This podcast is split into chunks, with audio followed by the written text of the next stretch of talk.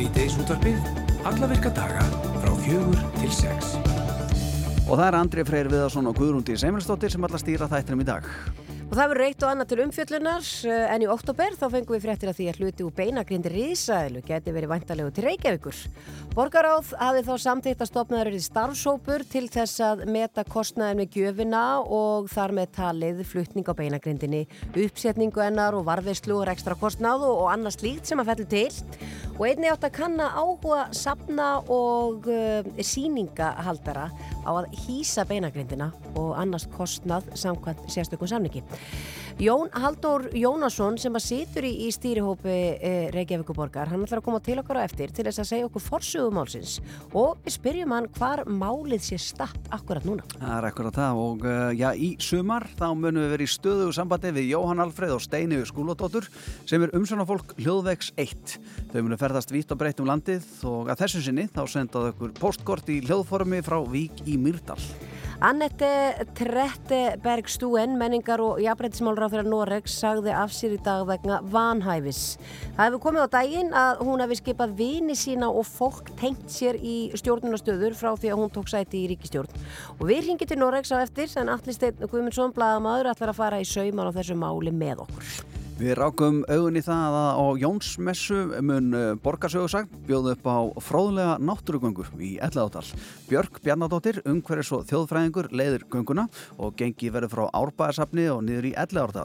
Staldraði við á völdum stöðum, saða sögur, fjallaðum íslenska þjóðtrú og hinnar öllu júrtir sem að vaksa á sveðinu.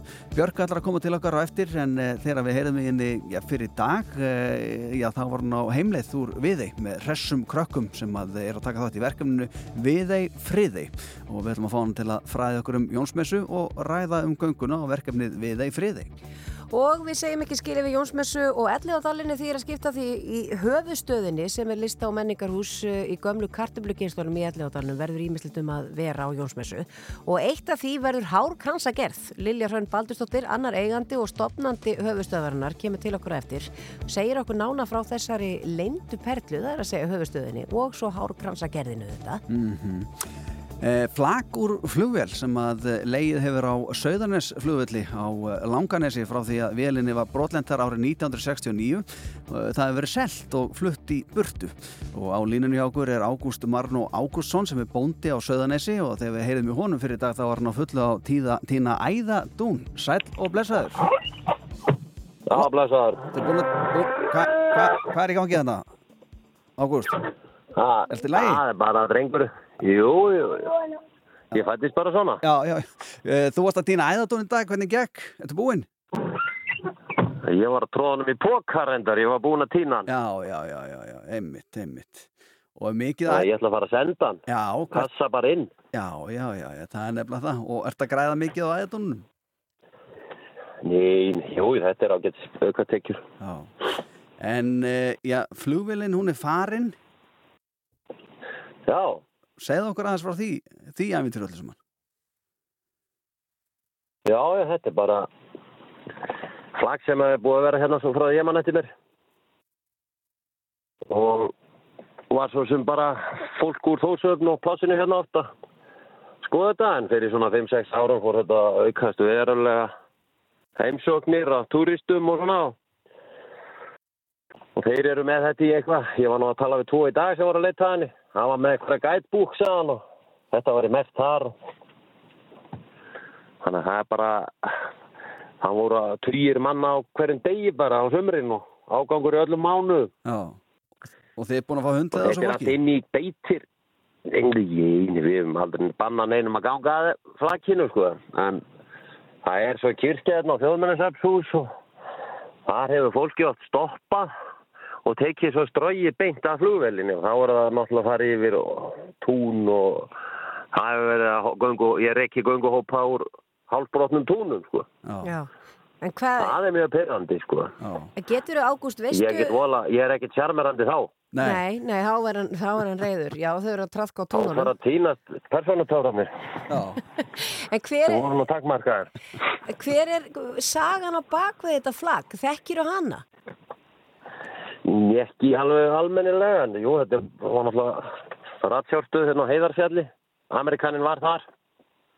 Og þessi flugvöllur var bara heimamaður sem þetta er á kvammi, hann tók saman einhverja prestdóttur hérna eitthvað svoleiðis og þau og hann hafði, hann misti dóttur sína sem hefur verið hægt að bjarga og var, hefur verið hægt að fljúa þannig að það var svona missjón hjá honum að búið til flugbröð hérna á sæðinu og gerði það þarna. Amerikanin notaði þetta svo eitthvað og þetta var bara einhver farþegar. Og einhverju voðleir officerar í þessari vél sem að vildu fara yfir einhverja breyttargráðu held ég. Svo var eitthvað klúður búið breytast aðstæður þegar ég komið tilbaka og lendu og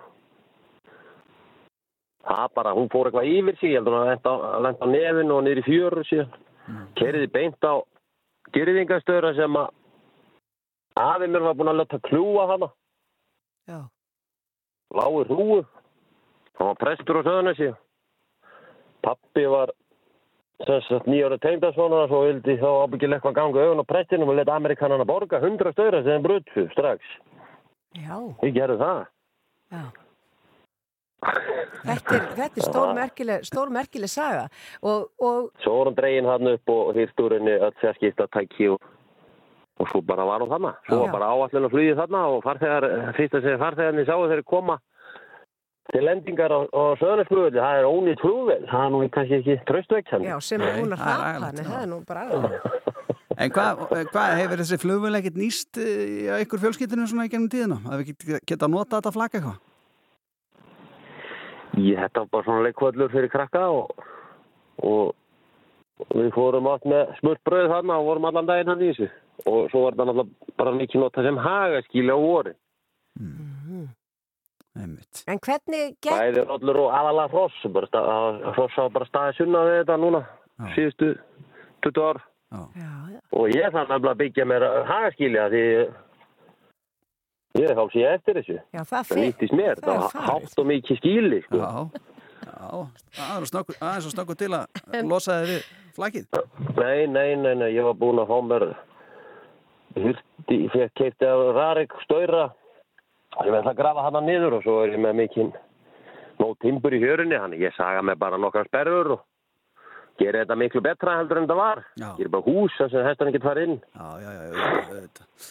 En hvar, hvar enda svo? Svo er þetta bara æðarvarp og Já. kríuvarp og það er bara, þú veist, mikil trafík þarna og ég var að læsa hliði og því að það voru alltaf bílar þarna í kríuvarpinu. Já. Það var einn í gæri vola eitthvað beigjulegur, tískari og Karl og Kelling voru hann að reyna að finna flaggið. Og ég sagði að það var farið og hún sagði að það var eitthvað accident og ég sá að lag blóðu Kallinum. Há hló ég á hann því að ég vissi að það hefði kríast eitthvað á hausinu á hann. Æjæjæj. Já, hann er að... Og fólk... hann var búin að fara í krívarti og, og hún hefði eitthvað á hausinu á hann og ég hlóði þessu og hann var, hann var bara eins og ég hefði slegið með blöytri tursku og hann var alls ekki hlátur í huga. Þannig að ég reyndi bara hægt að hlæja á kemni í burtu. Já, þannig að ferðamenn er að fara sér þarna bara jafnvel að voða þarna í þessum aðstæðum. En, en þú... Sagt... Það er gott að hafa hjálm allavega þegar maður er að fæla þarna. Ég er alltaf með hjálm á hausnum þarna. Já, þannig að þetta fari bara einstaklega illa með þá, ég bara búræksturinnum þarna að vera með alla þessa túrista þarna að skoða þetta flagg. Já, það var svo sem við settum upp skilti þarna við kirkina, það sem við síndum bara leiðina. Öllum væri bara velkomið að ganga eftir gömlu flúbröttinni, bílöfum fyrir bönnu og vorin og, og flestir fóru nú eftir því og svo var ég búin að fá bara skrifaði prævat rót á heimræðina að fjárhúsinu mm -hmm. því þeir komu helið til mikið heima fjárhúsum líka já. Já, já. þetta var nú svona bara nokkuð gott sko það var alveg þetta En þú minnist þarna á uh, spýtur sem ætlar að reysa hús úr það er rekaðurinn, þú ert svolítið í honum líkað ekki? Jú, ég er með smá slattavillu í kringum það Já. svo auka ég á sög og svo ég hefil sem ég flutti inn frá bandaríkjónu sem að hefla drumbana niður eftir endi löngu bara og rísastúrt boks bara það getur tekið 70 cm svert já, já, og það bara heflar hann niður í spænir og ég hef sett það til svona hestamanna og mest verður bara gera fyrir sjálfa mig samt undanfæri nára eftir það ég tók við þessum búreistri hér. Já En Ágúst, við verðum að spyrja þig að því að þú varst að segja að þetta væri bara, flugvelin væri í einhverju bók sem að ferðamennin greinilega að fara eftir og vilja mig ólmi sjá þetta. Hvar endaði vélinn? Getur þú bent fólki hvert að fara alltaf að skoða hana? Eða, eða? Já, hún, ég held að það sé ekki lendarma því að hann ætlar að sína hana. Já. Það var að senda mér eitthvað vídeo í dag það sem að eru túristar klóðast yfir gatavíkýringu og búin að rífa buksurnar alveg alltaf ekki að borga. Já, þannig að hann er að fá þessa pest Hann yfir er, sig. það heitir, já, hann veit það bara og selja gístingu og er með, er með ferðarþjóðum skuður og allt öðru í sér rekstur sko, minn rekstur er ekkert Nei, nei, í kringum túristana sko. Og hvaða mestar er Þannig að það er heilt líka langanes hérna til þess að skoða þannig að það þarf ekki að vera siga túristum inn í mínar gyrðingar. Nei, nei, nei. Nei, Hva, hvaða meistar er þetta sem ætlar að sína vilna? Heyrðu, hann heitir Tómas Magnússon og það heitir Eyvindar Holt undir Eyjafjöllum. Já, já, Já, það Það er er kellingin lent núna bara. já, geggja. Þetta er dásalegt, það er gott að þetta endaði nú þokkalega Ágúst Marno Ágústsson og það er gaman að spjalla við þig og við ætlum ekki að vera að teða þig mikið meira þú ert með fullan bíla krökkum og svona þannig að þú verður að vera að koma þeim að gera eitthvað annað en að hlusta á þau blæðir í síman Já, já, það væri gott. Já, takk gælega fyrir þetta og góða helgi Já, takk bara sem leðis. Bless, bless. Já, og úr þessu flugvila flaggi ætlum við að fara yfir í risaðlubein sem að hugsanlega er á leiðinu til landsins. Já, það- Hver veit? Við erum Rástfö Fyrst og fremst með þér. Já, kanntu að lifa með fólki, kanntu að standa með þér. Þér ber engin skilda til að líða alltaf vel. Horfum aðeins inn á við og látum okkur sjá hvað það er Sem við viljum taka á. En ég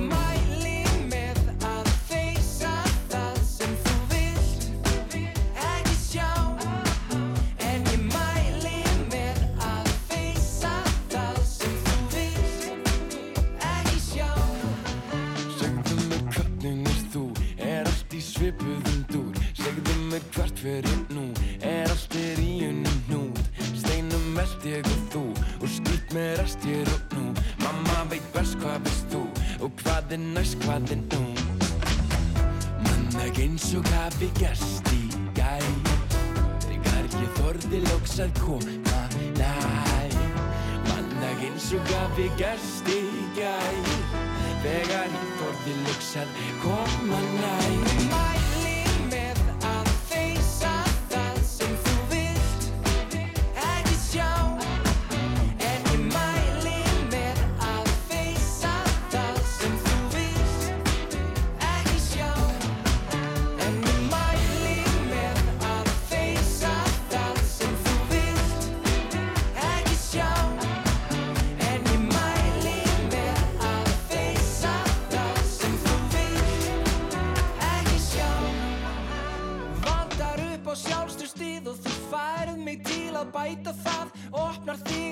þig á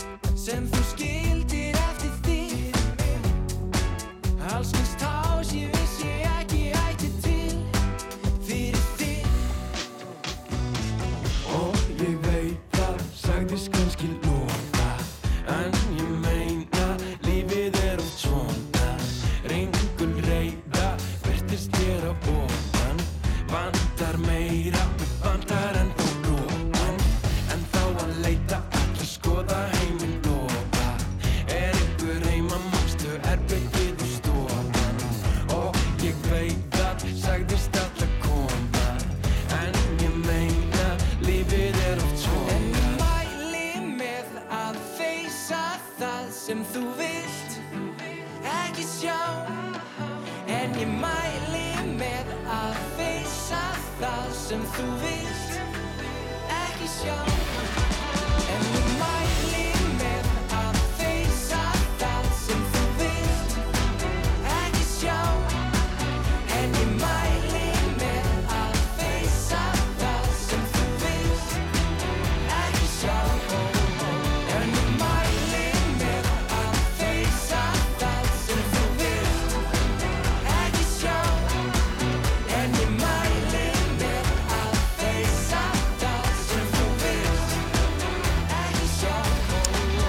Þetta lag heitir Face og þetta er Jói P. X. Palli Í oktober þá fengum við fréttir af því að hluti úr beinagrind riðsælu geti verið vantalegu til Reykjavíkur. Borgaráð hafi þá samþitt að stopnaður er starfsópur til þess að meta kostnaði við gjöfina og, og þar með tali flutning á beinagrindinni, uppsetningu hennar og, og varfeslu og svona ímis rækstra kostnaði við þetta allt saman. Og einnögt að kanna áhuga, sapna og, og síningahaldara á að hýsa þessa beinagrind. Og hann er komin ykkar til okkar, Jón Haldur Jónasson, sem að situr í starfsópi Reykjavíkuborgar. Velkomin. Já, takk fyrir það.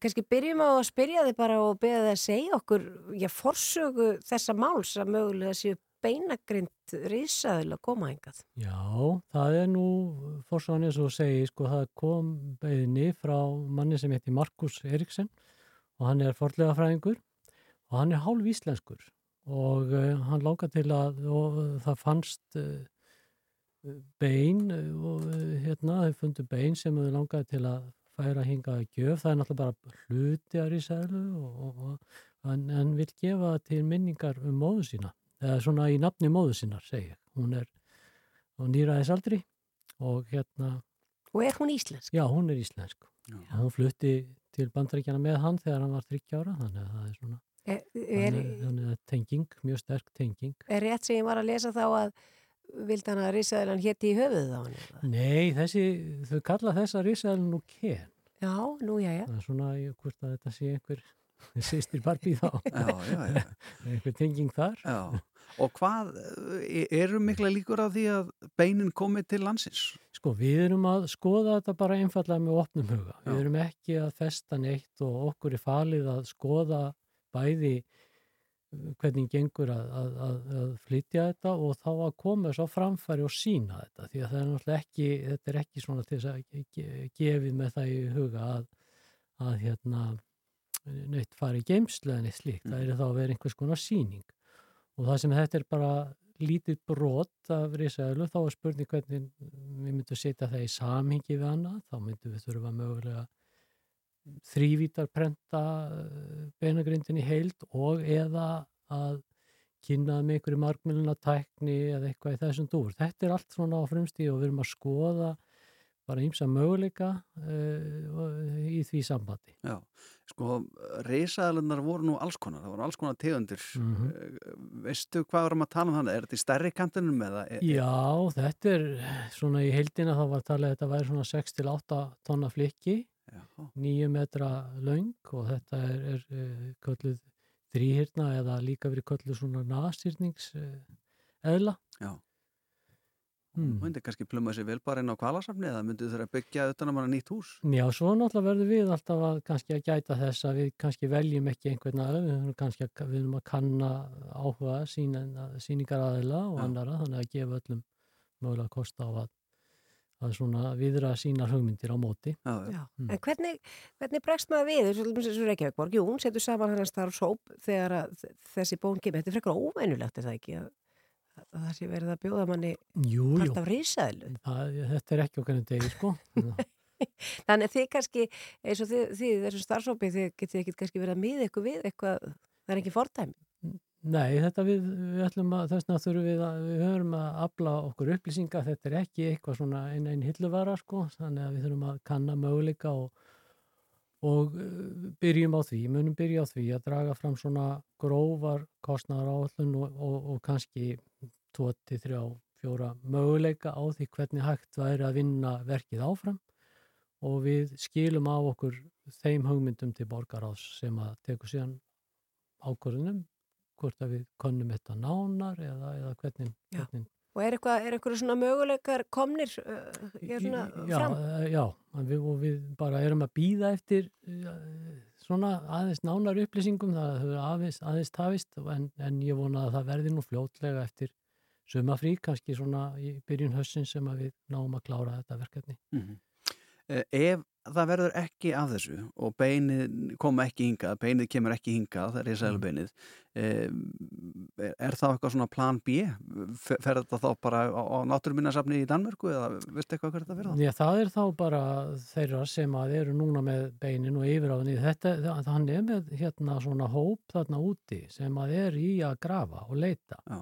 Og þau eru með brennandi áhuga fyrir því að, að kynna svona vísindalæsi og, og, og svona hugmyndi þannig að þetta er mjög skemmtileg, skemmtileg hugmynd á bakvið og, og hef, við höfum alveg skinnjað áhuga fólks og að kveikja mjög margir á því og fólk fer að velta fyrir sér hvað er þetta gamalt og, og hvernig er hægt að sjá það út og hvernig voruðu risaðlunar á sínum tíma. Þannig að þetta er náttúrulega eins svona sett í samiki kannski við, við Ísland. Þá er þetta er náttúrulega þetta eru 65 miljón ára gömul bein eða stengjerfingar sko og, og meðan að við erum að tala um jarðsögu Íslands, hvað eru við að tala um þar? Það er svona í kringum 14-16 miljónir, þannig að það er svona, svona, svona ítir aðeins svona við heilabúin í okkur já, já. að velta þessu fyrir okkur. En, en hvernig er það þarna eins og í bandaríkanum að því að þú segir, hann er að grafa eftir þessu er það bara að sá og funn sem finnur? Eða þú finnur bara einhver bein sem eru 65 miljónar gömur, máttu bara eiga þau og skipa einhverju til Ísland Já, þau eru þarna á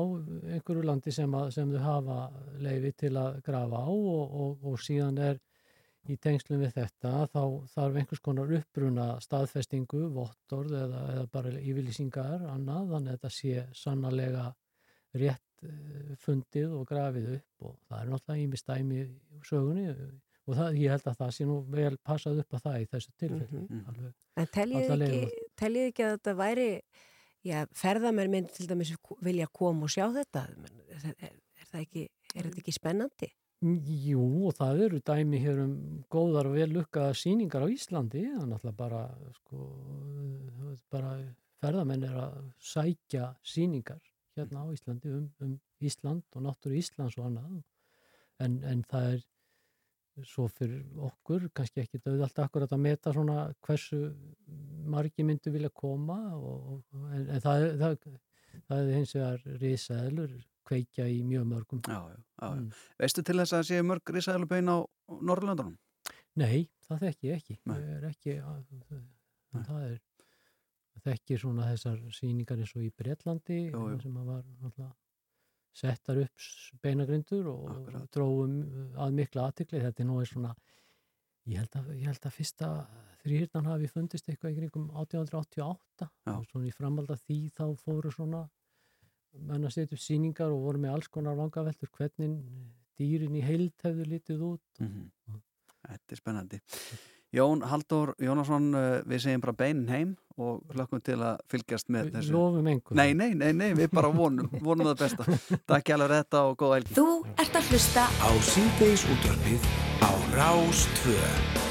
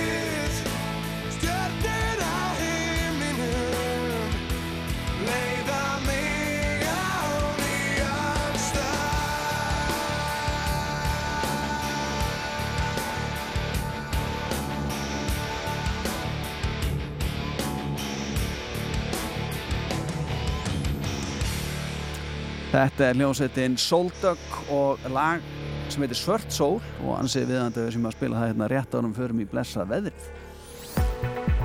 Veðurhorfur næsta sólaringin. Hvernig lítið það át, Guðlís? Það er ekki ástæðalösu, Andri, að ég sagðist bara vilja sumar lög, svona stemningu eins og þú varst að, við vorum að heyra hérna Akkurat, akkurat núna, sko. akkurat. Þetta er, þetta er svona svolítið Mikið stemning, útilegu stemming, Já, já. svona sveitaballa eitthvað. stuð. Af því að klukkan átján, mm Mhm. Staðaspá klukkan átján, Hvað gerist þá? át, nei, Ó nei, hvað? nei, Hættur við? 21 gráð á akkurir og sól. Að gegja. Nei, ég meina það er Það er rosalega. frábært. Þú verðum að tala um glampandi sól. Glampandi sól fyrir norða, það er geggjað. Já, 15 stig á eigirstöðum og sól, Flott. 19 stig í Bólungavík og þar er eitthvað smá skýi en það er samt sól. Já, já. 13 stig á Kirkjubæðaklaustru og rigning Mhm. og 13 stig í Reykjavík og einhverju drópar hérna Já. líka. Að höfðborgarsvæðinu, það er að. E, maður er lausveð þarf að smyrja sig með sólavörn. Þetta er bara að flott. Segja samt að maður eigi bara að vera að setja sér sólaverðin alltaf. E, hver segir það? Ef þú ert mikið úti, Er það framleiðandi sólavarnar sem segir það? nei, að sé bara jafnvel grammeisfélagi sem segir Nú, það. Já. bara alltaf? Já, maður eigi allavega að vera svona bara alltaf aðeins með smá verðn á sér. Nú, Já, já, þetta eru fréttir. Já, ég veit ekki, við þurfum kannski kafa nánar í sömmin á þessu. En það er suðaustan 8-15 og súld eða rigning með köplum hiti 10-16 stig, eh, heldur hægari vindur norðan, lands bjart með köplum og stöku skúrir með hita að 23 stigum. Á hægari uh, vindur. Já, Já. En það má búast við hversu vinstrykkjum á norðan verður snæfest þessi framundi kvöld og kviður við fjöll vestarlands geta ná 20-25 metrum á sekundu. Og þetta er náttúrulega verður við að segja að það getur verið varhugavert að, að eh, ja, fyrir aukutæki sem eru viðkvæm fyrir vindið eða skilur húsbílarnir og það eru fell í ísinn og... já, já. Já, hérna er, þetta lítur bara svona út hjá okkur uh, þennan sólarengin. Við bara, já, allir dagar eru gjöf, Gunnar, það er bara hlust. Það er svo. Já, við ætlum bara að ringja til Norex eftir smá stund og það er skandall og við ætlum að tala um okkar mann staðnum sem allt veitum málið.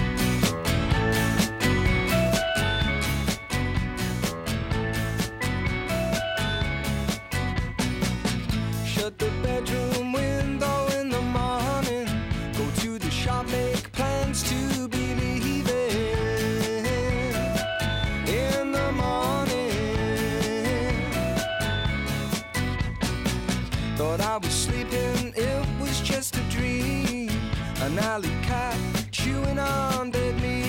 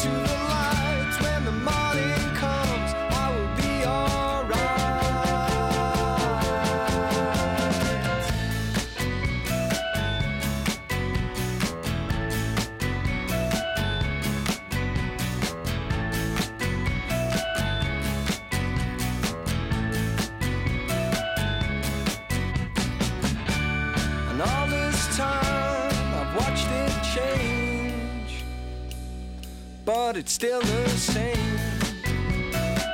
In the morning, in the morning, in the morning, in the morning. Þetta er hljómsveit sem heitir The Coral og lag sem heitir In the Morning.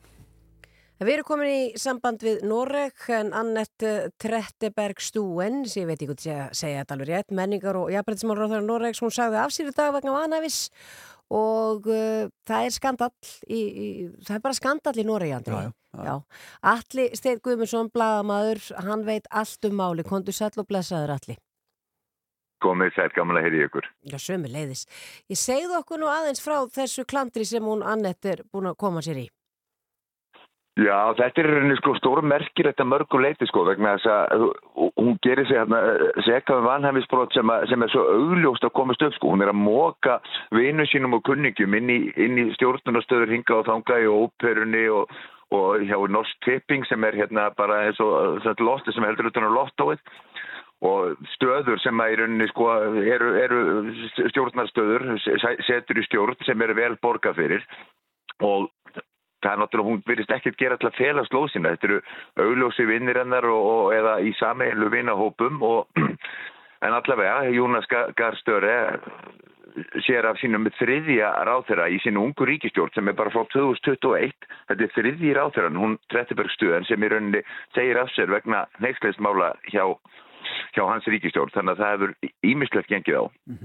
Þetta hljóma svolítið eins og íslenskur verleiki þarna sem út að lýsa þarna í upphafi þessar spjalls að- stjórna- Já, en haldu, ég haldu, ég haldu íslenski ráþera myndu segja Nei, nei, það er aftur á móti ekki íslensku það er aftur á móti ekki.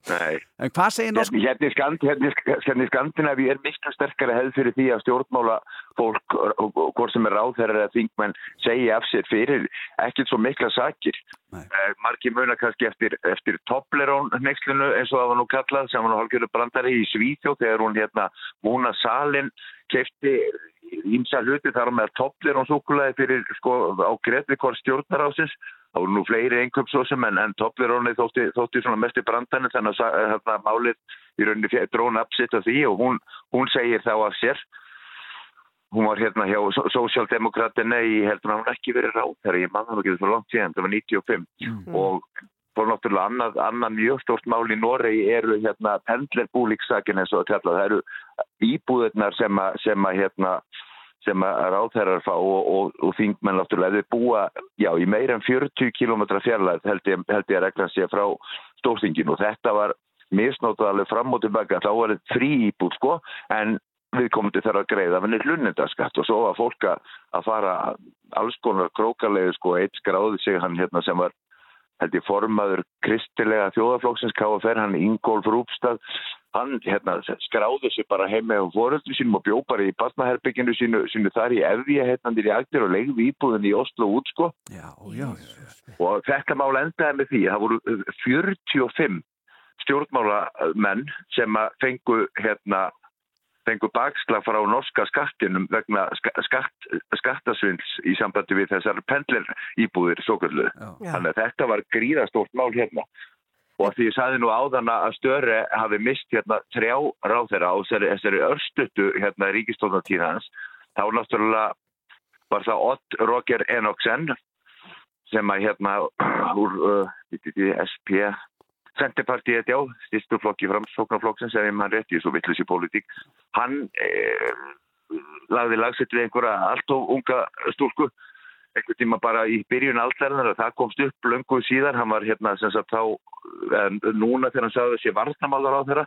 Þannig að hann hérna lauk, lauk þar með sínum störfum þar, bara núna í fyrra, í apríli fyrra ef mann rétt vegna þessa máls Já. og eina þeim sem lendu í, í þessum íbúðamáli var Hadia Tajik sem var vinnumarkas og, og vinnumarkas og félagsmáðar á þeirra í, í stjórnstöru. Þannig að þrýr ráðherrar hafa fengið að fjúka síðan á haustöfun 2021 hjá Jónas Ikar störu. Það er ansi hérna bratt. Já. Já, það er mikið blótaka og hva, hvernig er fjallaðum þetta í, í bara uh, norskum miðlum og, og, og, hvernig, og hvað er störið að segja? Störi segir að, þetta sé, sé grátlegt, beklaglig eins og hann or- orðar það og er bara Já, já, með bókum hildar yfir þessu. En aðal, náttúrulega aðal manneskjan sem, sem þurfti náttúrulega svara fyrir máli í dag er náttúrulega er náttúrulega Trettenbergstúin sjálf sko, sem, a, sem að brast í, í grát og blagamannafundum. Það er mikil hefð fyrir því að, að tveir hópari í Noregi grát og blagamannafundum. Það eru sem sagt ráð þeirra sem segja af sér og skýða fólk sem er tekið fyrir, hérna, fyrir dóp hérna, svindl. Það verið, frækt núna undanfærin ár. Já, já, hérna. Og hérna, stöðrætt tekur þessu, náttúrulega, hann, hann segir minnist, hún í rauninni, hún, Trettebergstöðin, hún, hún lendir mest í, í viðtölum, sko. Stöðrætt bendir svo sem alveg á það að, hérna, að hún hefði fengið fjölda aðvarana frá sínu ráðuniti sem er líka alveg magna vegna þess að þetta kemst upp, sko, og er, og hún fær tiltal í ráðanettinu bara þetta er ekki nógu gott, þú getur ekki verið að bara móka þínum vinkornum og vinum inn í einhverja þanga, en hún lætu sér ekki segjast, það er svolítið merkil sko mm. þarna hefðu flestir, flestir norski stjórnmálum sko bara strax sko átt að segja á, á hvert þeir væri komnir. Já. Þú, þú segir það allir að, að þú varst nú að þylja upp nokkuð mál sem að, já, fólk hafði þurft að segja sér ráðherra, dómi eða ráðherra stóli. Hvað verður, menna, eins og hún, Trette Bergstúin, á hún framtíð fyrir sér? Er, er, er fólki fyrirgefið þarna á, á, á, í Noregi til dæmis? Á hún framtíð fyrir sér áfram í pólitík eða... Það er gaman að skuli spyrja með þetta. Ég er nýbúin að vera, að vera hérna, hjá heimi Kalsi bítin að tala um hérna, pappans hérna, fótbólstastjórnunar sem að, að flutti til Sviss og var einmitt spurðu sömu spurninga. Fyrir ekki var norðmenn þetta. Mín tilfinning eftir 13 áhrifin í landin er að norðmenni eru ekki langræknis. Þannig að sko, og svona mál þau eru sko, ég held að sko 80% tjóðan að verði búin að gleima þess eftir mánu sko þó, þó að þetta nafn til dæmis hennar 30% mun alltaf ringja ákveðinu björnum sko, þá, þá fyrirnist þetta í rauninni fljótt sko, Já. það er ekkit verið að hérna, ég held að þeir, þeir, þeir einur hreinlega sem sem að normenn virkilega hafa allt ólar við að, að já, hata henni gerðsala fyrir lengi, það eru þjóðverðir og það er fyrir, fyrir herrnámið 9. april 1940, það hafa það hafa margir eldri norðmenn ekki geta fyrirgefið þjóðverðum en þá ég hef verið að vinna með fólki því að ég verið að vinna í ólíubransunum þá var það ágættur ungu þýskupiltur uh, að vinna með mér, fýtstráku sko. En hérna eldri menn á vinnustafnum sko þeir köttu hann aldrei annað en tískarinn, hann var bara tísk Já, hann var bara þýskarinn. Þannig að það er þannig, þannig að uh, Trettebergstúin verður eflust til að henni verður fyrirgifið þetta af því að hún er ekki þjóðvergi. Allir már Guðmundsson bara takk kellega fyrir að vera á línu hjá okkur og fara svona ítalega yfir þetta með okkur og góða helgi. Allir farin sko, það er svo góða helgi hann fyrir norðan sko, hann er farin sko. En við takkum að kella fyrir þetta og það er nóg framöndan okkur í sýttisútrumunu. Við ætlum að eh, fara að eh, hlýða hér á hljóð, postkort frá hljóðvegi 1 e, sem þau senda frá Viki Myrdal og svo er það Höfuðkransar og Jónsmessa svo eitthvað sem hún nefnt, en þetta er ljóðast í flott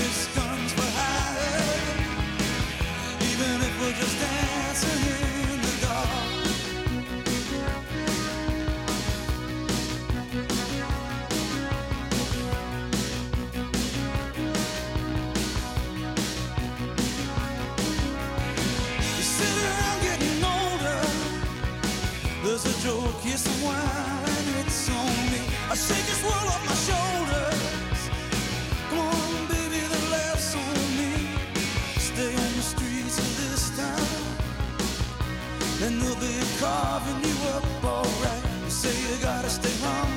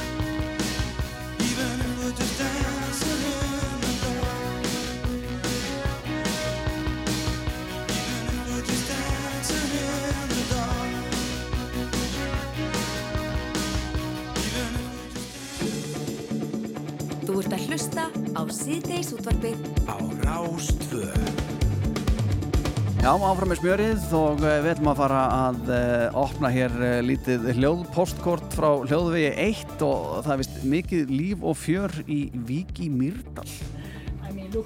Já, við höldum áfram að uh, flakka um landið á hljófi 1. Já, við ætlum að koma víða við þessa helgina. Ég er að fara uh, austur á land, verða á höfn í Hotnafyrði uh, um helgina og ætla líka að stoppa og gera viðreist svona á leiðinni. Uh, og ég byrjaði nú á því að stoppa hérna á Vík í Myrdal. Ég er stattur í gamalli skólarútu sem að varnalið bandaríska skildi nú eftir sig á sinni tíma þegar þau yfirgáðu landið og, og þessi rúta er búin að vera svona smá flakki um landið en hefur fundið sér held í framtíðar heimili hérna á Vík í Myrdal það sem að er núna rekið uh, mjög skemmtilegt kaffuhús sem að heitir uh, Skúlbín og ég stend hérna með henni Hörpu Elinu Haraldsdóttur sem er, já veitir, köllusetri fórstöðu hérna á Vík í Myrdal og það er, það vist hérna er ekki það sem að lokallinn svona hittist hérna á Vík og fæ sér kaffi og skrafar um daginn og veginn Jú, hjartanlega velkomin til Víkur. Uh, jú, hérna komum við saman og hérna náum okkur í, í kaffi eða heitt súkulaði. Um, en já, hér og á mörgum öðrum stöðum. Við erum náttúrulega svo heppin hérna í Vík og í Mýrdalnum að, að það eru margir staðir, skemmtilegir, sem hægt er að koma saman á. Og skólarútan, skólbíns, eh, er náttúrulega alveg indislu staður til að, til að koma saman og spjalla. Það er nú eiginlega fáir staðir ef nokkrir á landinu þar sem að sko þessi uppgangur í kringum ferðarþjónustuna ferðarþjónustan hefur einhvern veginn kveikt jafn mikið líf eins og, eins og hérna í bænum. Já, ég held að það sé bara rétt hjá þér og mikill kraftur, mjög skemmtilegt og er virkilega gaman að sjá hvernig þorpið og, og, og sveitarfélagið allt er bara fullt af lífi. Um, þetta er eitt af þessum svona, já, skemmtilegu verkefnum þar sem uh, fyrir fólki sem kemur og heimsækjur okkur sem og fólki sem býr hér, þá fáum við eitthvað jákvætt út úr þessu. Og sko þetta er eitthvað mesta fjölmenningar eh, samfélag, þess að hlutfall fólks af ellendum uppruna hérna í bænum er, hva, það er eitthvað um helmingur. Jú, já, vissulega. Þetta fer svona um, um að 50% og við erum, já, fjölmenningar samfélag eh, per excellence, myndi ég segja. Þetta er mjög áhugavert og skemmtilegt að finna hvernig við, þetta samt litla samfélag, erum svona að tengjast og, og, og vinna saman og þetta er svona framtíðarverkefni, mjög áhugavert.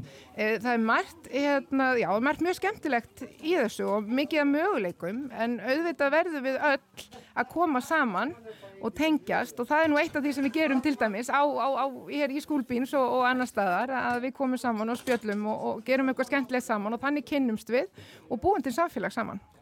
Og kannski með að við höfða tölu þá eru sannlega fáir bæir með svipuðan íbúafjölda eins og vík sem að ja, bjóða upp á jafn mikið úrvala bæði sko veitingastöðum, það er kaffhús, það er sko, ég var nú bara eins og maður gerir þegar maður kerir inn í bæin og fer maður á TripAdvisor og fer að skoða veitingastæðan og maður þurft að fletti yfir á næstu síðu. Já, emmitt, nákvæmlega, skemmtilegt það er svo margt sem þú getur gert því að það, þú getur verið hérna í marga daga og, og prófað alls konar mjög fjölbreyttan mat og afturringu Eh, við vorum nú emmitt bara þegar við komum hér inn, þá vorum við að ræða um gífurlegt reifparti sem var á nýjasta kokteilbar bæjarins og, og fólk er að leggja svo mikla alúð og ást í það sem það er að gera að það er mjög vel talað um þessi fyrirtæki sem eru hér og þessa þjónustu og þessa matsfélagstæði. Þannig að það er virkilega skemmtilegt að koma og gera sér gleðan dag, það er ekki vandamál hér. Já og nýjasta viðbótinn í flóru þessara miklu matamenningar hérna á, á Vík á Mýrdal Já, ef maður er á leiðinni áttina að Reykjavík þá er hérna, þetta er eiginlega bara svona svo lítill bustabæri eða eitthvað. Já, leiðinni út eða inn, það fer til hvernig þú ert að koma til Víkur, en hér er einmitt komin þessi fallega litla bust við Ársali, gistiðimilega Ársali, um, og sko þar er hægt að koma núna og stoppa og fá sér alveg æðisleg kreps. Þetta er mjög skemmtilegt. Það er uh, Mikael sem er búinn að vera hérna. Mikael, how, you've been living in Vík for uh, what, six years? For six years, yes. I came here like 2017. First I was working in a hotel as a waiter and housekeeping. And then I just started working as a lifeguard in a swimming pool. I have trained before uh, swimming. That's why it was like my chance to work here as a lifeguard. I met here my wife. I fall in love. Now we have two small kids, and yeah, we live here, love it, and we are thinking to raise, for sure, for a quite long uh, our children. Yeah. And and three weeks ago, uh, you started your own venture with uh, th th this crab hut. Crab hut, yes. I found on the Bit uh, auction uh, uh, trailer who, which was like a little bit like in a, in a bad condition. Uh, I won the bid, and then uh, our idea with my wife was it's uh, to build a typical Icelandic hut to make it like eye-catching. Uh, we decided to have crab because I I did all my life for my family crabs. I love crabs. Uh, every Sunday I do from uh, in, at home so yeah, it was an obvi obvious uh, choice. And it's uh, maybe a little bit related to the Icelandic pancake. Uh, yes, yes, it's all around. Who doesn't like uh, crepes, Nutella? so we, of course, to make a, we made a little touch, and we put uh, to our crepe banana, Nutella, banana, and Principolo, and we thought that it's a nice hybrid Eh, of Icelandic and eh, Polish Cooperation Það er mjög góða punktur að, að hér er hægt að fá Prins Polo Crepe sem að ég held að hljóti að vera örglega einu staðurinn í heiminum þar sem að slíktir í bóði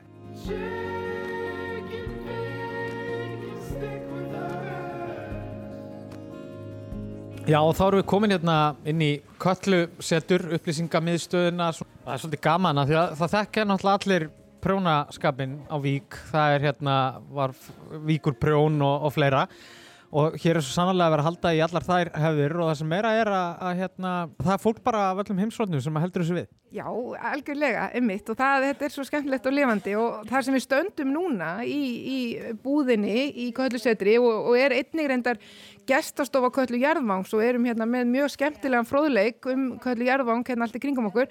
Þar var e, prjónastofan Katla, þar sem við stöndum hér, maður getur ekki að sér það einhvern veginn akkurat núna. En þá einmitt, við sjáum hér alls konar hérna ullarvörur, jafnt handunnar af frábæru fólki hér, einmitt allstaðar frá þessar lópapössum sem hérna, hér eru, þær eru fólk allstað frá sem er að prjóna þær. Og svo þetta eru við mjög stolt af eh, köllu, vúl, prjónastofinni köllu eh, sem að Beata og Marek eh, eru með halda upp í merkjum þessara miklu prjóna vinslu og hefðar hér í Mýrdalnum. Og í raun og veru tóku við þessu og, og halda þessu svona gangandi með sínum hætti. Já, algjörlega og skemmtilegt enn og aftur eins og hjá Michael og í Krebs þá, þá eru verið að blanda saman íslenskum hefðum og, og svona nýri sín. Eh, Þau sækja mikið af hérna, e, munstrum í gamlar íslenskar hefðir og, og búa svo eitthvað til út úr því frá þeim. Og svo er við líka virkilega gaman að segja frá því og ég sem svona hérna, starfsmæður, fyrir starfsmæður Víkubrjóns e, þá voru þar e, miklir og góðir göngusokkar sem að flestir íslendingar kannast við. Og það er mjög gaman að segja að Beata og Marek þau eru með gömlu prjónavélina, sokkavélina frá úrvíkuprjónu og er að gera alveg frábæra reynisfjall sokka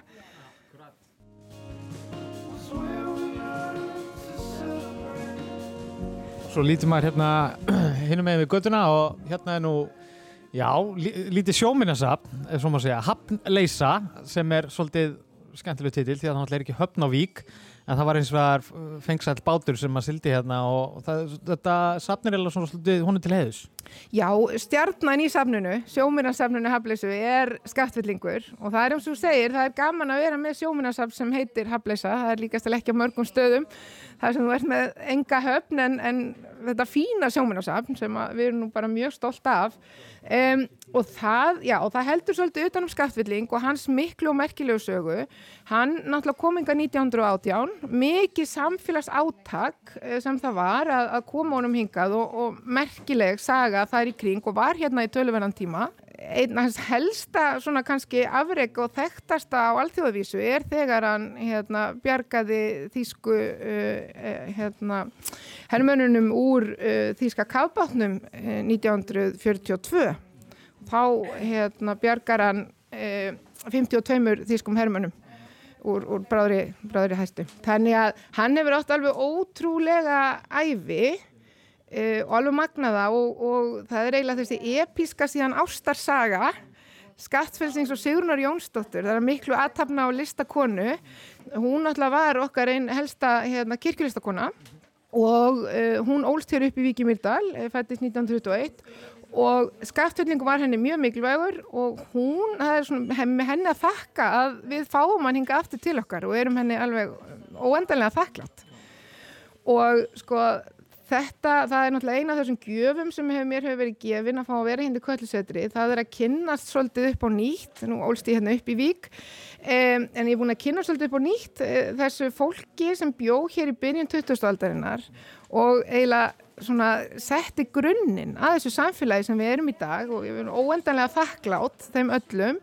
Og þess vegna langaði okkur svolítið til, í, til að heiðra það að búa til listaverk og setja það á vesturgafl e, skattaflingsbúðar og skattaflingsskemmu og e, við núna í samstarfi við e, pólska listamannin Mats Jelenda erum bara nýbúin að setja síðasta pen, síðasta pensilstrykki þarna á veggin og, og hérna, bjóðum núna öllum miklu stolti að koma og kíkja á listaverkið. Það er svo skemmtilegt að það er svona sögulegu þráður eiginlega á verkinu í gablinum að það með þess að Sigrún Littla er þarna. Jú, emmi, það er svo skemmtilegt að Sigrún alltaf talaði mikið um skattfelling og, og í hérna, hérna stór skemmtilegu æfisögu, engin vennilega kona, talar hún um það að skattfellingur hafi komið með allt sem var gott í heiminum. Og eitt af því var e, brúðuvagn. Og Sigrún þótti mjög vænt um brúðuvagnin og þetta er eina af þessum sögum sem við Matsi tölum svolítið um og svo erum við að pæli hvað við erum að gera með hérna, listaverkið og, og ég segi eitthvað, já, mér vant að pínu Sigrúnu, við erum með svona hana sjálfa og, og þá kemur Matsi tilbaka með Sigrúnu litla og brúðuvagnin sem ég þótti nú virkilega vænt um.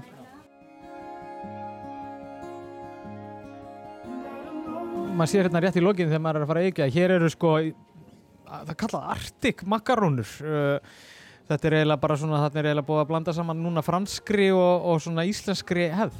Já, við höldum áfram að, að blanda saman, að, virkilega skemmtilegt og eins og sér það er hérna lítill selur sem er að gæða sér á makarónum og, og þetta er svona hérna sem við tölum svolítið um við, við Vincent sem á nú heiðurinn algjörlega þessu, sæti biti í vík. Takk fyrir að taka á mót okkur og, og hérna vonandi gengur bara alltaf óskum hjá okkur í, í sumar. Já, hér er líf og fjör bara allt árið, algjörlega og, og bara hjartans takki fyrir komuna, virkilega skemmtilegt og það er bara alltaf, þú og allir, velkomni til Víkur því að það er nóg að gera. Mikið stemning, uh, herðu, og þá bara þökkum við fyrir okkur og við ætlum að halda áfram að ferast um landið á hljóði eitt uh, alla helgina. Rástvö Þú ert að hlusta á síðdeis útvarpið á Rástvö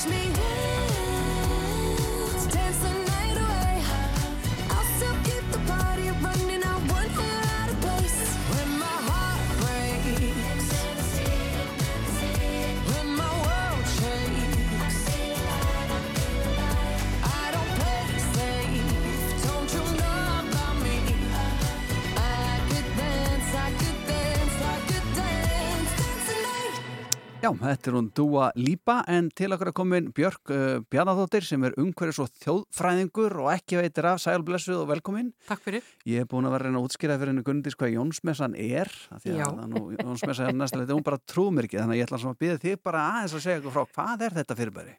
Já, þetta er uh, margþætt fyrirbæri en þetta er semst í grunninn er þetta fæðingarháttíð Jóhannesar skýrara Já.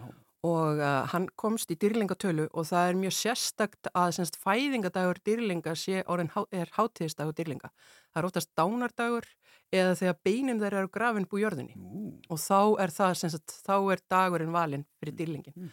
Þannig að Jóhannes skýrari er á semst ammalið þannig dag og síðan, síðan er Jésu, hann á ámali 24. desember, þannig að Jóhannes er með sumarsólstöðunar Já. og Jésu, eða sérst, já, frelsarinn, hann er með vetrarsólstöðunar. Já. Trúður mér núna? Já, þetta er nákvæmlega það sem þú varst búin að vera að segja, Andri. Þannig að í grunninn er þetta eina kristinháttíð en líka er mikið að þjóðtrú sem tengist háttíðinni. Já. Þannig að þetta kemur úr katholskunni og síðan færist þetta yfir í kristina og mest hjá okkur hérna á Íslandi eru semst þjóðtrúin.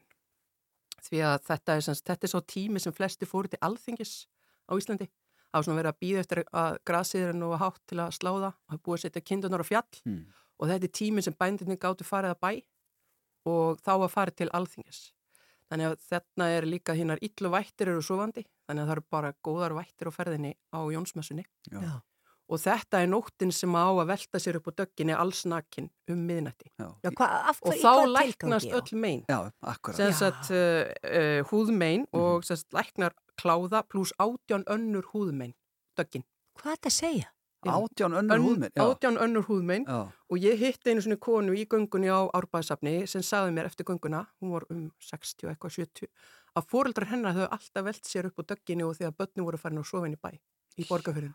Þau gerðu það? Og krakkarnir mótti aldrei koma með. Nei. Þannig að þetta var alveg bara heilagu tími hjá fóreldrar hennar, sagði hún Já, mér. já, og húðin á þeim bara eins og Bart Strass eins og sagt. Nákvæmlega. En þetta er svona eina af þessum, það eru semst fjórar magnaðar nætur í þjóðtrunni. Það er semst þessi jólanóttin, nýjársnóttin og þrettándin og síðan er það jónsmessan. Já. Og það er ofta svona jafnvægi í tölum í þjóð, þjóðtrunni. Þetta eru fjórar nætur sem eru heilagar. Það er alltaf svona jafnvægi í þessum tölum. Mm. Og þetta er nóttin sem á að týna jurtir og þetta er nóttin sem töfrasteinar hoppa upp tjörnum á fjöllum, til dæmis upp á hérna tindastóli Já. er tjörn og maður á að klöngrastangað og grípa steinana því þeir koma upp úr tjörnunum svo gladir og þeir hoppa og skoppa Vá. og þetta er hulin hérna hjálmur steinni sem gerir þau ósynlegan Já.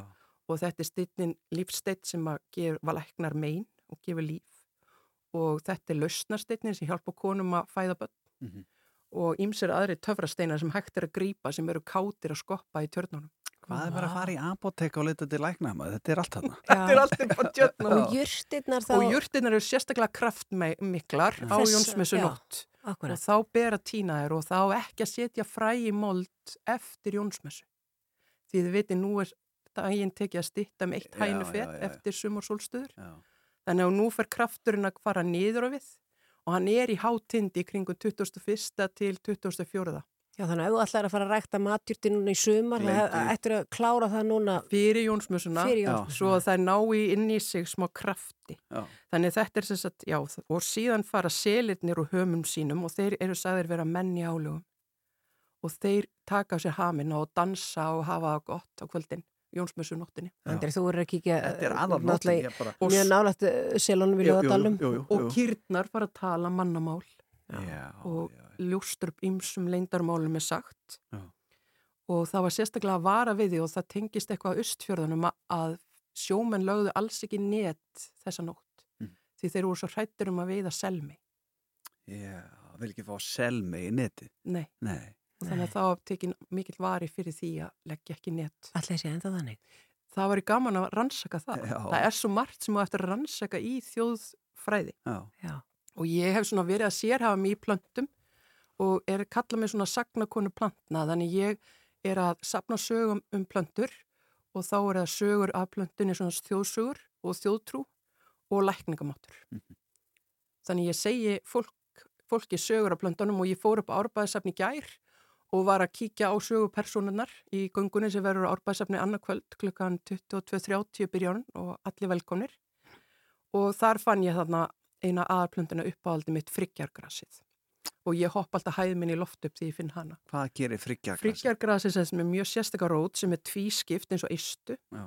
og þá setja hana undir kotta þess sem maður vill að muni elska mann. Já. Þannig að þið laumið jörtinu undir kottan og svo farið þið bara að sofa og býði róleg og svo kemur viðkomandi fram hel ástfangin af ykkur. Vá, en er þetta, gildir þetta bara á Jónsmjössnótt? Nei, ekki á Jónsmjössnótt, bara að taka já, þessa já, já, já.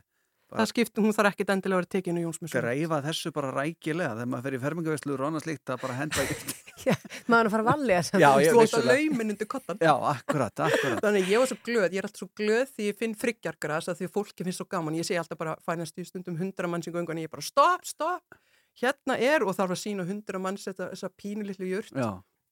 Og svo er önnur plantaðana sem er livjagras og hún er með svona stjörnu og hún borðar litlar pöttur og hún leik, þess að litlu svona e, pínulitla vespur sem eru svartar pínulitlar. Jaha. Man finnst stundum að sjá í gegnum þessa Já, flugur. já, já. Þær festast í stjörnun hennar og svo lokar hún sig og það eru lítil ein enzim í henni sem melta hann hérna pötuna. Vá, Andri, þú veist, það liggur við að við þurfum að fara í þessu göngu Já, annarkvöld. ekki spurning, sko. Ekki, það er svo margt að, vinna það er vinna, sko, það er bara halvaður nóg, sko. Þannig þetta er sérst klukkan hálfellu á morgun, Já. farið frá árbæðsafni, Já. Öllum velkomi að koma og þú ert að fara að fara í þetta, miklu dýpri í allt þetta og, og með plöndurnar og, og svona. Og sögurnar tengdar Jónsmörsunni. Þetta er mjög spennandi. Þetta er geggjað. En, en bara áður en að við sleppuðu Björk, af því að þegar við ringdum í dag þá varst þú að koma við og ég heyrði bara í börnum bara, "Ha", þú veist, rosa læti í kringu þig og þú segist það að verið við í verkefni sem heitir við í friði. Getur þú sagt okkur örstuð frá því? Já, við í fríði er verkefni á vegum Borgarsúgusaps og Listasaf Reykjavíkur fyrir börn eh, svona 7, 8 og 9 ára. Þar sem við erum í eiginni í 5 daga frá mánuði fram á fösta en förum út klukka 9 og komum heim um fjöguleitið Mm. og við erum í gamla skólahúsinu austast á eiginni og erum að gera, við sérst læra gamla leiki eins og vermannaleiki og við erum að búa til listaverk úr ráefni sem kemur í fjöruna og er allt í kring Já. Og þau fá að búa til og skapa og leika saman og læra um Yoko Ono og John Lennon og, og ímsa list og fá að vera sko, saman og líka stúdra frið. Hvað er friður? Og við búum til friða sáttmála og flest er að tala um að vera góðir, góð við hvort annað, eh, hjálpast að og við höfum svolítið tekið eftir að þessu námskeiði þá segja börnum svolítið mikið að vilja setja í friðarsáttmálan ekki byssur. Já. Já. Og það kvíli greinilega svolítið mikið á börnum að það er stríð svolítið nálagt okkur í heiminum í dag. Já. Þannig við erum að ræða um hvað er fríður, hvernig getum við haft fríð í öllum heiminum, í hjartanu okkar, í fjölskyldunum okkar, á landinu okkar Já. og hérna þetta er ótrúlega skemmtilegt og gefandi verkefni. Já. Þetta er magna. Hvert á fólk að mæta sér sem vil fara í gönguna? Já, við byrjum sérst klukkan hálf 11 á Orbásefni annarkvöld og það er bara við ingangin sérst. Ég tek á móti fólkinu á stóra torkinu í Árbásefni. Og bara þeir fleiri þeir betra. Já, því fleiri því Ekki betra. nein, ef ekki þessar plöntur út á okkur. Já, nokkulega. Já, Andri En við ætlar erum- að mæta. Já. Við erum ekki beint að týna jörtinnar á morgun og við erum Nei. ekki að velta okkur upp á dögginni nakin en hérna ég hvet alla til þess að gera það bara einhvers staðar annars. Já, fólk getur gert það bara þegar það er komið heim. Já, það er bara svo leiðis. já. Björk Bjarnadóttir, umhverfis og þjóðfræðingu, takk fyrir að koma, þetta var mjög áhugavert. Takk fyrir.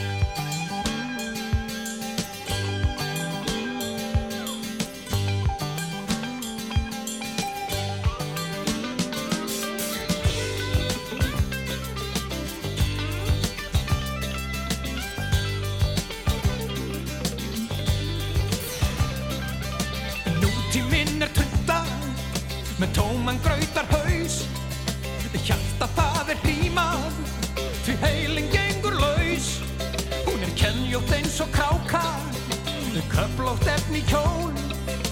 Kjarklaus eins og klerkur sem klifrar upp í stól. Mamma má ég sjá? Mamma má ég gá? Mamma má ég sjá? Mamma má ég gá? Svo er stokkið. Og svo er stokkið af stað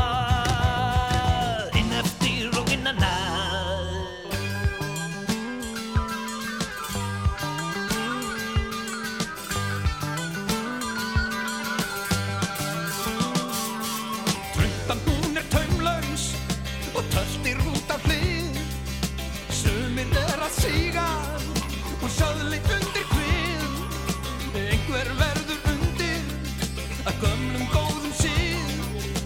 Undarlegt hvað öllum er andum kvikindið Mamma má ég sjá? Mamma má ég gá?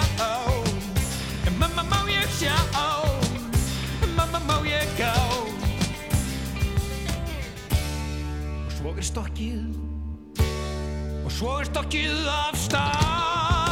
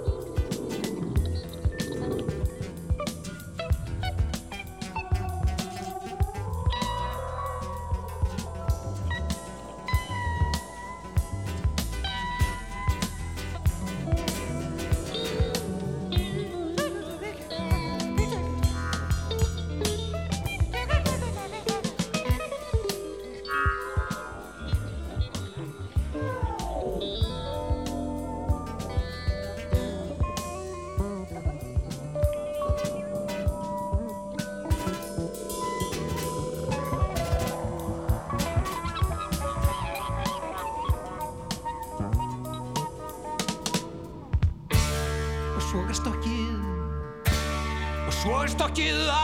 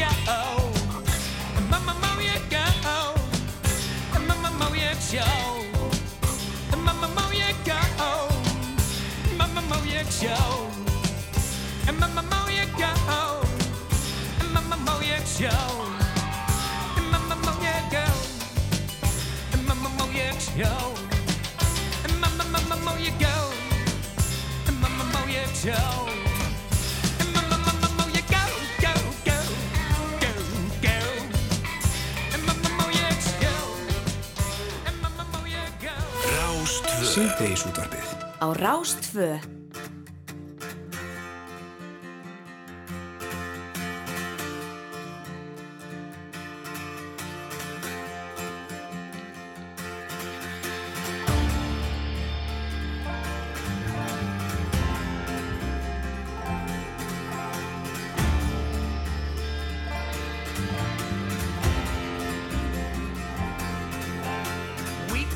yourself, my man. You'll never be what is in your heart.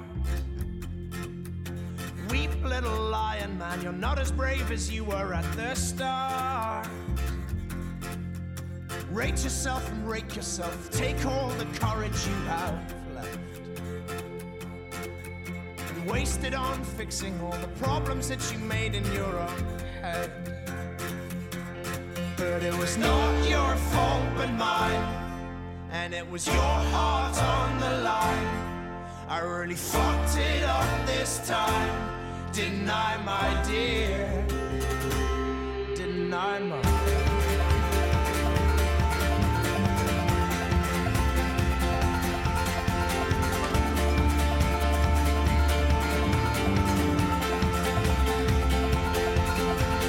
Tremble for yourself, my man. You know that you have seen this all before.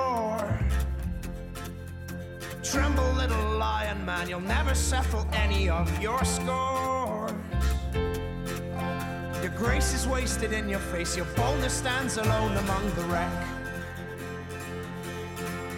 Now learn from your mother or spend your days biting your own neck.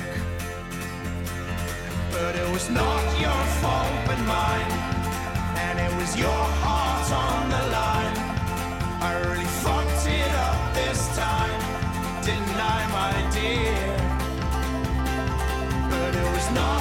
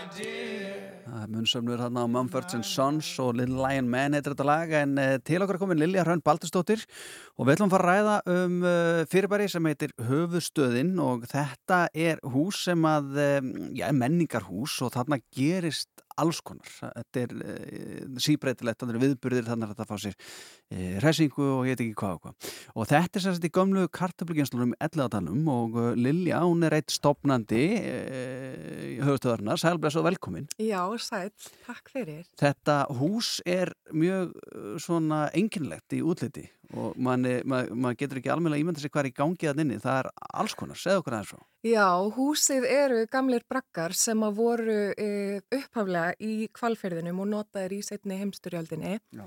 sem sprengugemslur og voru síðan fluttir til Reykjavíkur og í rauninni hafa staðið auðir svolítið mikið síðastliðin ár. Svo var það fyrir tveim árum sem að þetta fyrir sölu og ég og Hrafnildur með þegar minn Mhm. við ákveðum bara að kaupa þetta og opna hérna lista á menningarhús þannig að við erum með listasýninguna hennar, Chroma Sapiens, þar til frambúðar sem að bæði, veist, landsmenn og, og ferðamenn geta komið og skoða á hverjum degi. En við erum líka með kaffhús og gjafveru verslun og bar og svo leiðum við salin fyrir viðbyrði. Já. Já, en til þetta klikku hugmynd sem að fara bara og kaupa uh, þetta, hvernig, hvernig fóruð þið að því? Já, þetta er mjög klikku hugmynd. Sko, við erum báðar búsettar í New York. Við komum heim í COVID, vorum að leita aðstæða til þess að gera annað listaverk og sáum þetta í sölu. Og þetta listaverk var sínt sem sagt á Feneir tvíaringnum árið 2019 og við erum svona búin að vera með það baka eirað að vilja setja þetta eitthvað staðar til frambúðara því að þetta er rosalega stórt listaverk. Þetta var er ekki heim í kassa, sko. Nei, þetta var ekki heim í gámi eitthvað staðar sko. Þannig að þetta er upplifna listaverk, þú lappar inn í þrjá litrika hella, það er tónlist eftir íslensku hljómsveitina Ham og þetta er bara í rauninni eina upplifunar listaverki sem er staðsett á Íslandi til frambúðar Mhm. að við vitum allavega. Já. Og það er, ég meina, það, er þetta að kaupa sér veitingar þarna. Það. Það, það, er þetta að gera allan fjandan. Já, sem sagt, við, þetta gerðist allt rosalega óvart. Við keiftum sérst húsið, fjármögnuðum allt sjálfar og, hérna, og, ákveðum að hafa, við verðum nú að hafa eitthvað svona kaffehús, þannig að við erum að reyka lítið kaffehús þarna sjálfar. Svo erum við með reglulega viðburði, sem sagt, um helgar líka. Um, en já, þú getur, þú ert með elli ádalinn basically beint fyrir framæði. Þú getur fengið kaffi eða koktel og börnin geta leikið á túninu, þú veist, í fótbolta eða kupp eða eitthvað og þeir siti bara á sólpallunum og horfið á. Það er svo indislegt. Já, þetta er nálega við náttúru og þetta er, þetta er rosalega fallegu staður. Já, við erum svo hefnar. Já. Og það er minna, þú ert að lýsa hérna upplöðunarverkinu sem að eh, fólk hefur séð náttúrulega á Instagram síðan Já. fóreldra og börnin þeirra baðandi sér í hárum og þar og svona, mjög skemmtilegt. Og það er allt sko á milli þess og hárkransagerð Já, sem er núna á morgun. Þá er Já. þetta að koma sérst og læra að gera hárkrans. já, sem sagt, eitt af því sem við erum að gera er að við gerum, við, við gerum viðbyrði sjálfar. Þannig að til dæmis allar helgar í sömar erum við með listasmiður og við hefum gert allt frá flugdrekagerð, fyrir 17. júni gerðum við rellur og við skreitum oft bollakökur, þá bara skreitur sjálf og við gerðum sólgleru um daginn og við viljum sem sagt tengja við landsmenn og sérstaklega yngri kynslaðirnar og í gegnum sköpun. Þannig að þú veist, þú getur komið og átt skemmtlan dag þar sem að þú í rauninni ræðu ferðinni, við erum með leiðbynanda á morgun til dæmis, þá ætlum við að gera þessa hárkransa og hún heitir Vala Melstað sem við verðum með það. Og ætlar að sína okkur tækni hvernig við gerum hárkransa og ætlum að nota blóm úr elláðalum og líka aðkeft blóm. Þannig að þetta verður rosalega gaman. Vá, hver vil ekki kunna gera hárkrans? Nákvæmlega, nákvæmlega. Mér finnst allir að það eru um hárkransa. Þetta er eitthvað svo... Sérstaklega Jónsmissu, með að við spjallið það náðan við þjóðfræðingin, sko. Já, þá hættu allir alltaf að vera með. Já, já. Já. Hann að þetta er sérst hjá okkur þá á morgun og, Já. og hvernig ber fólk sig að? Já, hann alltaf kemur bara til ykkar. Já, við erum náttúrulega opinn alla daga frá 10 til 6 á virkum dögum og 11 til 5 um helgar. Á morgun er hárkransagerðin frá 1 til 3.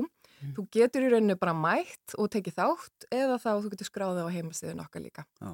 Fínt að vita svona cirka hver margir ætla að koma. Akkurat, og þetta allt saman á höfðustöðinni, það er að finna þetta bara með að smetla þessu inn á uh, næstu leitavil á netinu og þá ertu komin á réttan stað Já. og við segjum bara gleðilegt sumar og gangi ykkur vinkonunum vel með höfðustöðina. Já, takk hella og sömu leiðis. Gleðilega Jónsmjöss.